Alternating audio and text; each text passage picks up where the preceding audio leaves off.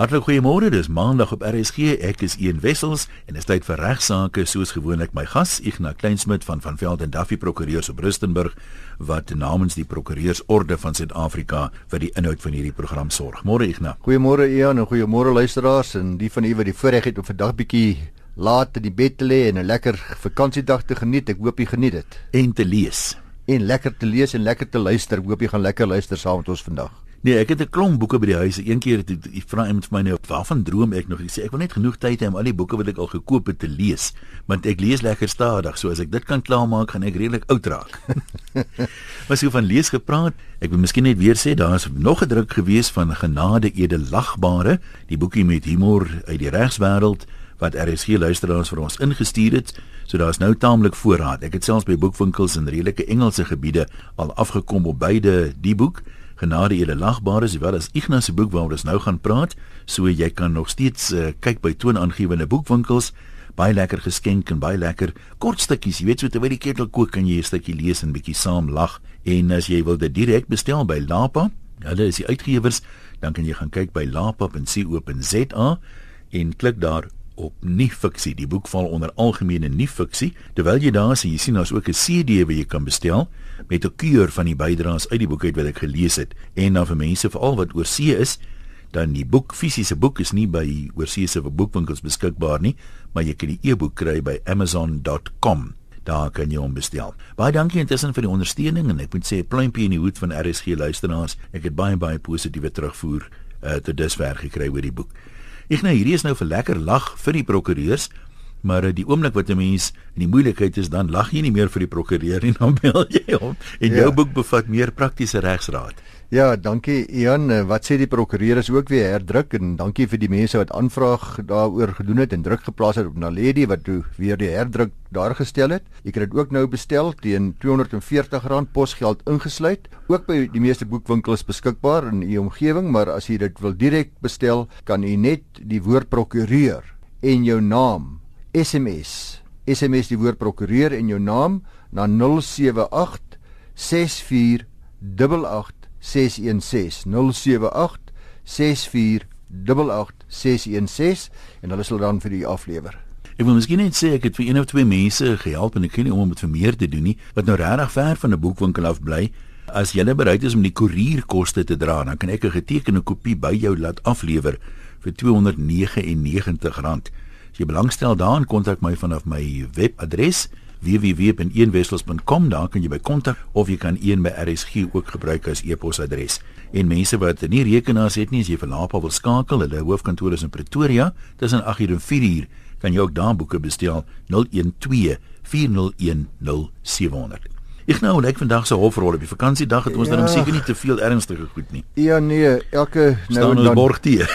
elke nou en dan dan kom daar 'n nuwe wet Ja. Wat vir my so warm om die kiewe maak vir wetsontwerpe liewerste wat en onlangs weer nog 'n voorbeeld gewees van 'n klomp lawwe ondeurdagte voorstelle wat emosies opjaag en en wat dikwels lei tot duur konstitusionele gevegte, hofsaake en uiteindelik dan is dit maar van nul geen waarde want dit sien nooit die die daglig nie. Talle pogings altyd uh, wat dan aangewend word deur die wetgewer in die parlement uh, wat eintlik van die begin af moet hoor te weet. Hoor hierdie ding kan konstitusioneel nooit die die toetslaag nie. Nou die wet wat ek hiervan praat. Ek wil net sê ek dink dis juist die vraag wat baie mense het. Hoekom doen hulle dit? Is dit politieke gewin? Sal dink hulle sekere dele van die nie. gemeenskap sal sê, "Wow, as julle hierdie deurvoer." Ek dink dis dikwels maar hier kort voor 'n verkiesing kry dit redelik gereeld dat mense kom met wetgewing wat hulle weet nooit gaan slaag nie en, en uiteindelik gaan sneuwel. Maar hierdie een is nou net hier uit die bloute uit gekom die wetsontwerp op die regulering van grondbesit wat in maart maand deur Gugile en Quinty die minister van landelike ontwikkeling en grondhervorming in die staatskoerant openbare kommentaar voorgeles. Nou ek weet daar's geweldig baie kommentaar gewees. Die kommentaar moes ingedien gewees het so 2, 3 weke gelede op die uh, eh, 16 April. Die slegte deel hiervan is dat plaaseienaars sal nou in gevolge hierdie nuwe wet jaarliks byvoorbeeld moet sê ek is die eienaar, dis my omset wat ek op hierdie plaas het, dis wat ek hier doen, dis my ras ook. En dieselfde ook dat uh, geen wit mense nou, wit mense sal nou nie meer die keuse hê, die eerste keuse hê om grond te koop nie en alle grond wat wat aan wit en blankes behoort, sal met ander woorde eers aangebied moet word. Dis nou landbougrond. Wit boere sal eers landbougrond kan koop wanneer die minister van grondsake en moontlike swart grondkopers nie daarin belangstel nie. Dit is ook 'n wet wat op buitelanders is let wel nie 'n wet nie ek moet my duidelik sê dis 'n konsepwet dis 'n voorstel 'n buitelander sal ook die grond behou wat hulle tans besit maar hulle mag ook nie nuwe grond aankoop as hierdie wet in werking sou tree nie. Glad nie. En nou daar's 'n klomp byvoorbeeld ek weet dit af die saak het ek gesien het gesê die wet sal selfs met erfgoed inmeng. Met ander woorde selfs ek wat erf of ek wat uit 'n boedel wil koop sal eers hierdie grond nou moet aanbied as ek as ek 'n blanke is.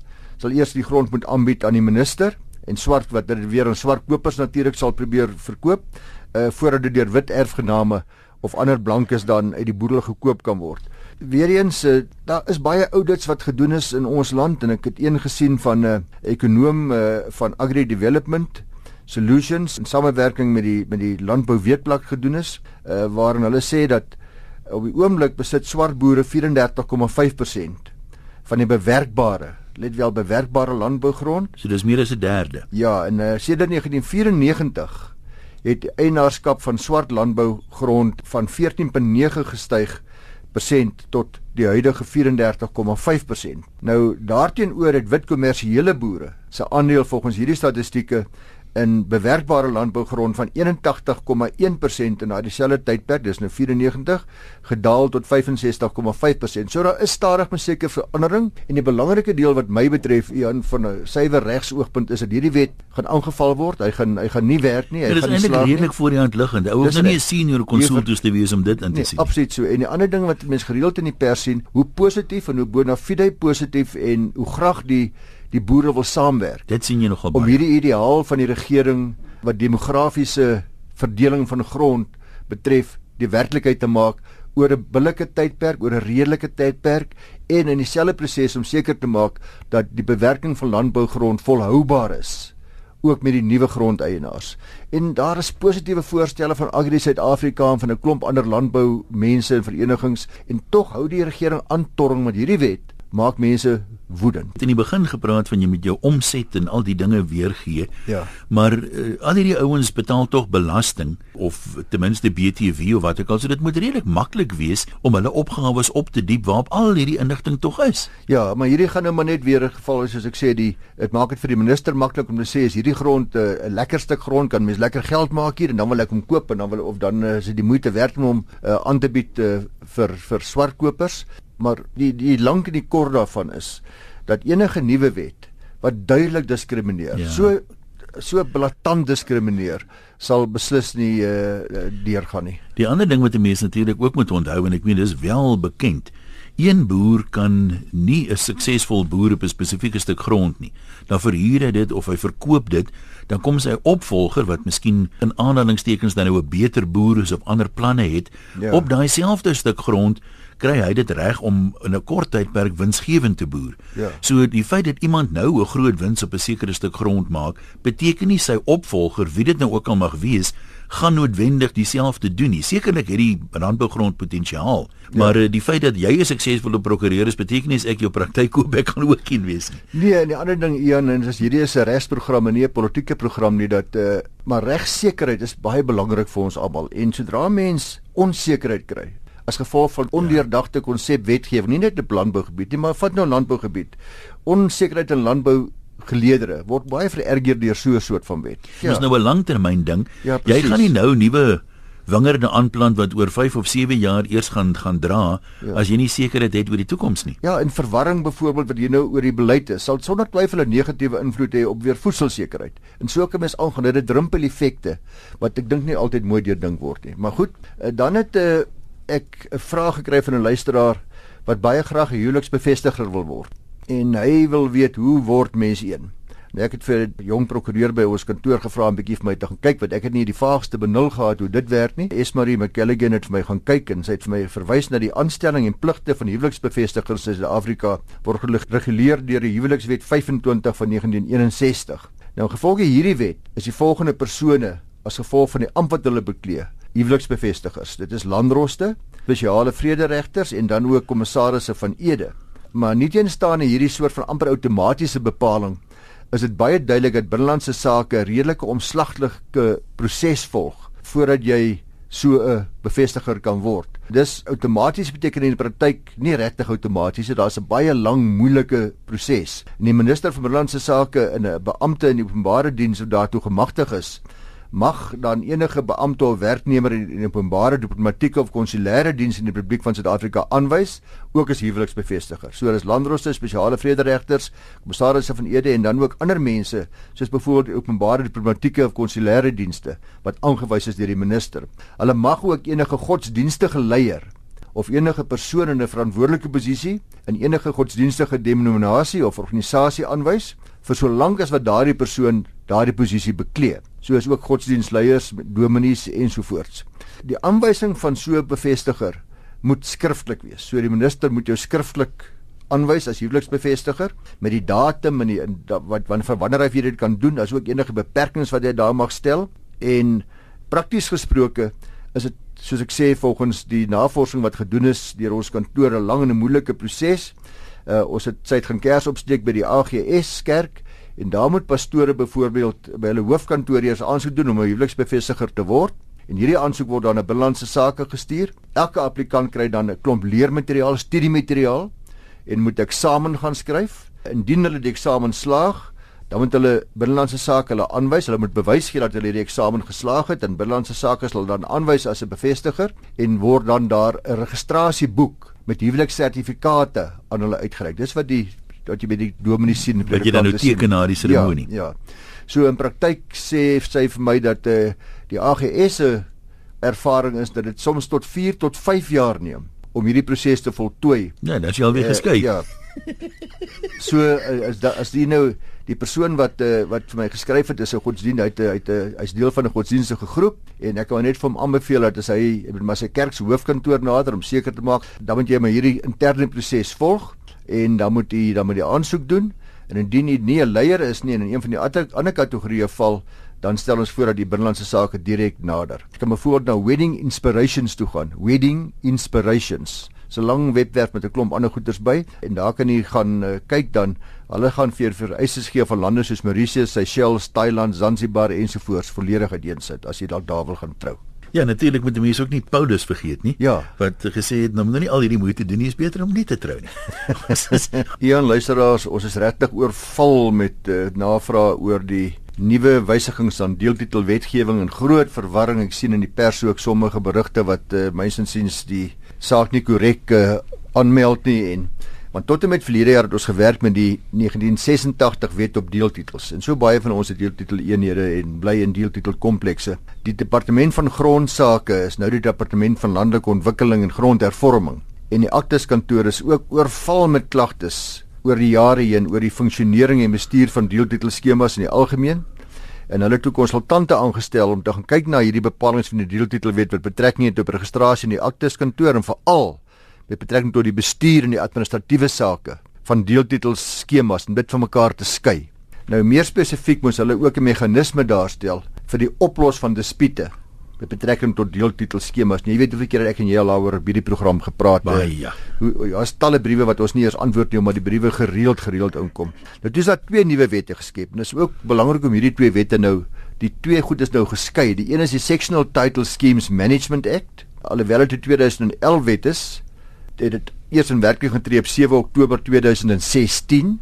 En die ander een is die Community Schemes Ombud Services Act. Dis ook die is wet 9 van 2011. Nou wat die Community Schemes Ombud Service Act betref, is die hoofoogmerk van hierdie wet is om te voorsien vir 'n wyse waarop dispute in hierdie sogenaamde gemeenskapsskemas gehanteer kan word Dit sluit belangrik nie net deeltitelskemas uit nie, maar daar is ook groot verwarring daaroor. Almal was of baie mense is onder die indruk dat ons praat net hier van deeltitelskemas. Maar die wetgewer het wyslik gegaan en dit baie wyeer die uitgebrei na byvoorbeeld ook huiseienaarsverenigings, alle huiseienaarsverenigings, aandeleblok-skemas en ook dan behuisingsskemas vir afgetrede persone, want dis veral daar waar ek die verweg die meeste briewe kry van mense in in in aftreeoorde en skemas uh, vir afgetrede persone. Nou hierdie ombud wat aangestel is, het ten doel om dienste lewer in die oplossing van geskille tussen beheerliggame, trustees, inwoners, huiseienaarsverenigings, okkupeerders, bestuursagente ensovoorts ensovoorts. En tot nou toe is 'n hoofkantoor vir die ombud reeds gevestig daar in Sandton uh, as ook streekskantore in Durban en Kaapstad. En uh die eerste saak is dan ook nou pas gerapporteer wat hierdie ombud gaan hanteer. Ons ek gaan dit nie met die luister luisteraars bespreek nie want dit is nie van baie groot praktiese belang vir ons vir hierdie program nie, maar hy is aan die werk gekom. Uh ek het ook vorige keer gesê daar is al reeds talle talle klagtes wat nou hulle toe verwys is. Nou al hierdie skemas wat ek nou van gepraat het, dis nou die deeltitel skemas, die aandeleblok skemas, huiseienaar verenigings ensovoorts. Daar's baie mense wat nou luister wat moet weet u het pligte wat u nou moet nakom van 16 Oktober af. Die een is u moet by die ombud registreer. Dis 'n verpligting wat die wet daar plaas. Jy moet ook jou reëls by die ombud indien. En die bietjie wat ek daarna verwys het by 'n vorige program het regtig 'n klomp navraag tot gevolg gehad wat ek dit plat blyk dit nie duidelik genoeg gestel nie. Jy moet jou reëls in. Dit is nie jy mag of jy kan as jy wil nie. En dan moet jy ook jaarliks jou finansiële state aan die ombud voorsien. Nou uh behalwe vir die oplos van dispute sal die ombud ook ander funksies vervul verrig. En dis eerstens om die kwaliteit van dokumentasie te reguleer, te monitor en beheer daarvan te neem. So hierdie dokumente wat jy moet indien, gaan hy nagaan en sien wie het jy behoorlike state. Lyk dit daarom na of jy of jy die finansiële regulasies en reëls nakom. Hy gaan ook kyk dat jy jou skema dokumente behoorlik bewaar sodra sodat dit in elektroniese formaat of ander formaat aan belanghebbendes voorsien kan word. Hy gaan vir jou daai vrae vra. Aan die ander woord as ek wil nou 'n skema wil gaan koop, kan ek dadelik toegang kry tot al jou state is dit in elektroniese formaat beskikbaar en dan ook baie belangrik fondse. Hoe word hierdie ombudsman befonds? En dis waarby die meeste mense baie ongelukkig is. En as ek sê die meeste mense dan dink ek 'n baie groot deel van ons bevolking woon in sulke skemas of eenhede. Die parlement het 40 miljoen rand daar gestel wat regtig 'n druppeltjie in die emmer is vir die aanvanklike oprigting van die ombudse kantore maar die departement is ook slimmer as dit gewees nie wetgewer het 'n spesiale nuwe heffing daar gestel teen alle mense in hierdie skemas wat per formule bereken word. Nou het ek hier 'n paar voorbeelde gee van hoe dit gaan werk. Mens kyk dat die wat die heffings is per maand. As jou heffing in jou skema 0 tot 500 rand per maand is dan hoef jy niks te betaal nie. Dan hoef jy nie by te dra nie. As jou heffing byvoorbeeld 1000 rand uh, jou maandelikse heffing 1000 rand is dan gaan jy 10 rand per maand bybetaal vir die vir die omboedse heffing en as jou heffing 2000 is word dit R30 dit is so dit is 'n skaal glyskaal. wat wat hoër word persentasie gewys soos wat die bedrag verhoog. Nou hierdie heffings moet op 'n kwartaallikse basis nou let nou wel onthou nou die wet het in werking getree in Oktober 2016 elke kwartaal moet elke skema en ek het nou nou die definisie gegee wat baie wyd is aan die omboed hierdie heffings oorbetaal. So u moet die maandelikse heffing gaan bereken en kom ons sê dan maar is uh dis soveel rand per maand per per per persoon, dan moet jy dit vermenigvuldig met die R30 of die R50 of die R10 per maand en dan moet jy dit kwartaalliks aan die ommoed oorbetaal. En regulasie 13 bepaal dat rente ook betaalbaar is op die agterstallige bedrae teen 'n koers van 2% per maand.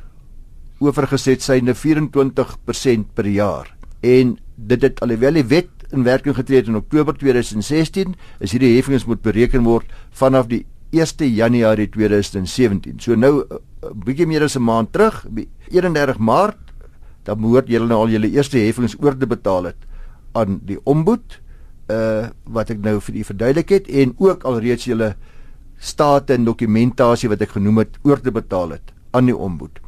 Nou die want jy praat van rente 2% per maand.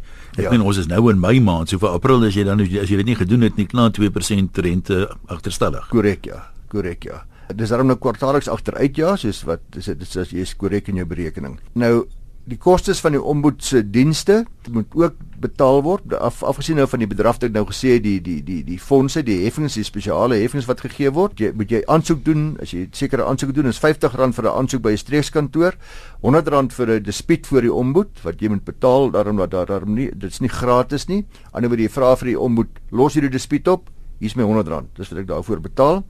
En dan ook R8 per afskrif van 'n skema dokument wat jy dit aanvra vanaf die ombud want jy kan ook nou die skema dokumente van die ombud aanvra. Hy het mos nou hy gaan mos nou afskrifte van al die skema dokumente hê wat hy dan nou moet administreer. Uh enige persoon wat 'n party tot 'n dispuut is of wesentlik daardeur geraak word, kan dan 'n aansoek by die ombud indien om na 'n saak te kyk. Daar sekere kategorieë waarop die aansoeke gebaseer kan word, soos byvoorbeeld finansiële kwessies, ek dink veral hier in versekerings, gedrags- en skema bestuursaangeleenthede. Dis die grootste probleem wat daar is. Dis diere en oorlas en al daai soort van dinge. En dan ook algemene vergaderings en bestuurdienste. Ag en dan sommer alles en nog wat. Is is baie wyd. Die ombud moet altyd probeer om eers die dispuut na 'n skikking te verwys alvorens die saak na 'n adjudicator of adjudicator, 'n bemiddelaar verwys sal word. Die bemiddelaar, dan sê die ombud wys bemiddelaar aan wat sê, "Hey, julle twee moet skik. Kom ons skik so en so en so. As julle nie wil nie, dan gaan ek bemiddelaar vra." Hy stel 'n ondersoek in uh, en dit probeer hy doen so vinnig as moontlik met so min as moontlik formaliteite en uh, die bevinding van so 'n bemiddelaar kan dan in die landdroshof of die hogeregshof afhangende van die bedrag betrokke afdwingbaar gemaak word na nadat dit ingedien is by die hof by die registreer of die klerk van die hof. So eh, as jy nie te gelukkig is nie, mag jy appeleer, maar slegs op 'n regsvraag, nie op feite vra nie. Nou as algemene reël word regsverteenwoordiging nie toegelaat binne hierdie hele dispuutbeslegtings uh prosedure nie, behalwe in die dispute waar die bemiddelaar en die partye ooreenkom dat dit onregverdig sou wees teenoor of die partye of uh die bemiddelaar om die dispuut alleen te hanteer weens die omvang van die ingewikkeldheid van die dispuut. Dit gaan dan gebeur. Dan luisteraars praat ons van die Sectional Title Schemes Management Act. Dis 'n ander wet. Ek hierdie wet het nou bespreek het, kan jy sien, wil dispute oplos. Al die bepalinge met betrekking tot die administrasie en bestuur van deeltitel skemas is uit die bestaande deeltitelwet gehaal. Is weggevat en is nou nie die nuwe Sectional Title Schemes Management Act ingebring. En dis nou die bestuurs en die gedragsreëls is ook nou geheel vervang met nuwe reëls. Dit is aanhangsels 1 en 2 tot hierdie nuwe wet. En net 'n paar belangrike opmerkings met betrekking tot hierdie wet en ek moet maar die prokureurs in die omgewing gaan sien as jy betrokke is by sulke skemas of die bestuur daarvan staan. Daar's meer definisies in hierdie nuwe wet as in die 1986 wet. Daar word nuwe verpligtinge aan beheerliggame opgelê in terme van die nuwe wet dat ek hier voorbeelde gee twee daarvan. Die oprigting en instandhouding van 'n reservefonds, baie belangrik. Daar was voorheen niks in die wet nie. Hierdie fonds moet dan nou, hierdie reservefonds moet voldoende wees of redelikerwys voldoende wees om toekomstige onderhoud en herstel van gemeenskaplike eiendom te dek. Daar's 'n formule om hierdie bedrag vir die fonds te betaal. So jy moet 'n klomp geld spaar om seker te maak as daar iets gebeur wat onderhoud betref en herstel betref dat jy in staat is om dit dadelik te doen. En tweedens is daar ook 'n nuwe verpligting. Dis nou die samestelling van 'n skriftelike onderhoudsplan vir die skema. Want baie van hierdie skemas verval oor jare heen. Dit is tragies om dit te sien omdat die bestuur nie behoorlik 'n plan het, 'n toekomsgerigte plan vir onderhoud van die skema nie. Uh dan 'n belangrike opmerking ook, die 86 reëls het bestaan uit 71 bestuursreëls en 11 gedragsreëls, terwyl die nuwe reëls slegs bestaan uit 31 bestuursreëls en 8 gedragsreëls. Nou moet dadelik toegee, daar's nog effens onsekerheid aangaande die gelding van die bestaande reëls teenoor die nuwe reëls. Waar hoe werk dit? Hoe, wat sê wisselwerking tussen die twee? Maar die algemene opinie waarmee ek saamstem is dat die nuwe reëls geld en dat enige spesiale reëls, dis reëls wat nou nie in die byla tot die wet vervat is nie, wat onder die ou wet gemaak is, nog steeds sal bly staan mits dit nie met die nuwe wet teenstrydig is nie ander woorde, daar sal nog steeds gekyk kan, word ons ver as vir die nuwe wet daaroor swyg. In die toekoms met enige nuwe reëls ook eers deur die ommod goedgekeur word van alle skemas. So alle persone wat in 'n deeltitelskema woon of betrokke is by die bestuur daarvan, behoort regtig die nuwe wet en die regulasies baie deeglik na te gaan om seker af te maak daarvan dat hulle op hoogte is van die belangrikste wysigings en ek staan nou sommige van u is wat nou luister op hierdie vakansiedag wie vir wie ek nou werk gegee het, is ek baie jammer daaroor. op werkersdag. No, maar dit is nogal belangrik. en 'n hele mond vol. Nou dis alwaar ons uh, gaan tyd hê vandag. Uh, geniet die res van jou werkersdag. Baie dankie Ian vir jou ook en 'n uh, lekker dag vir die luisteraars.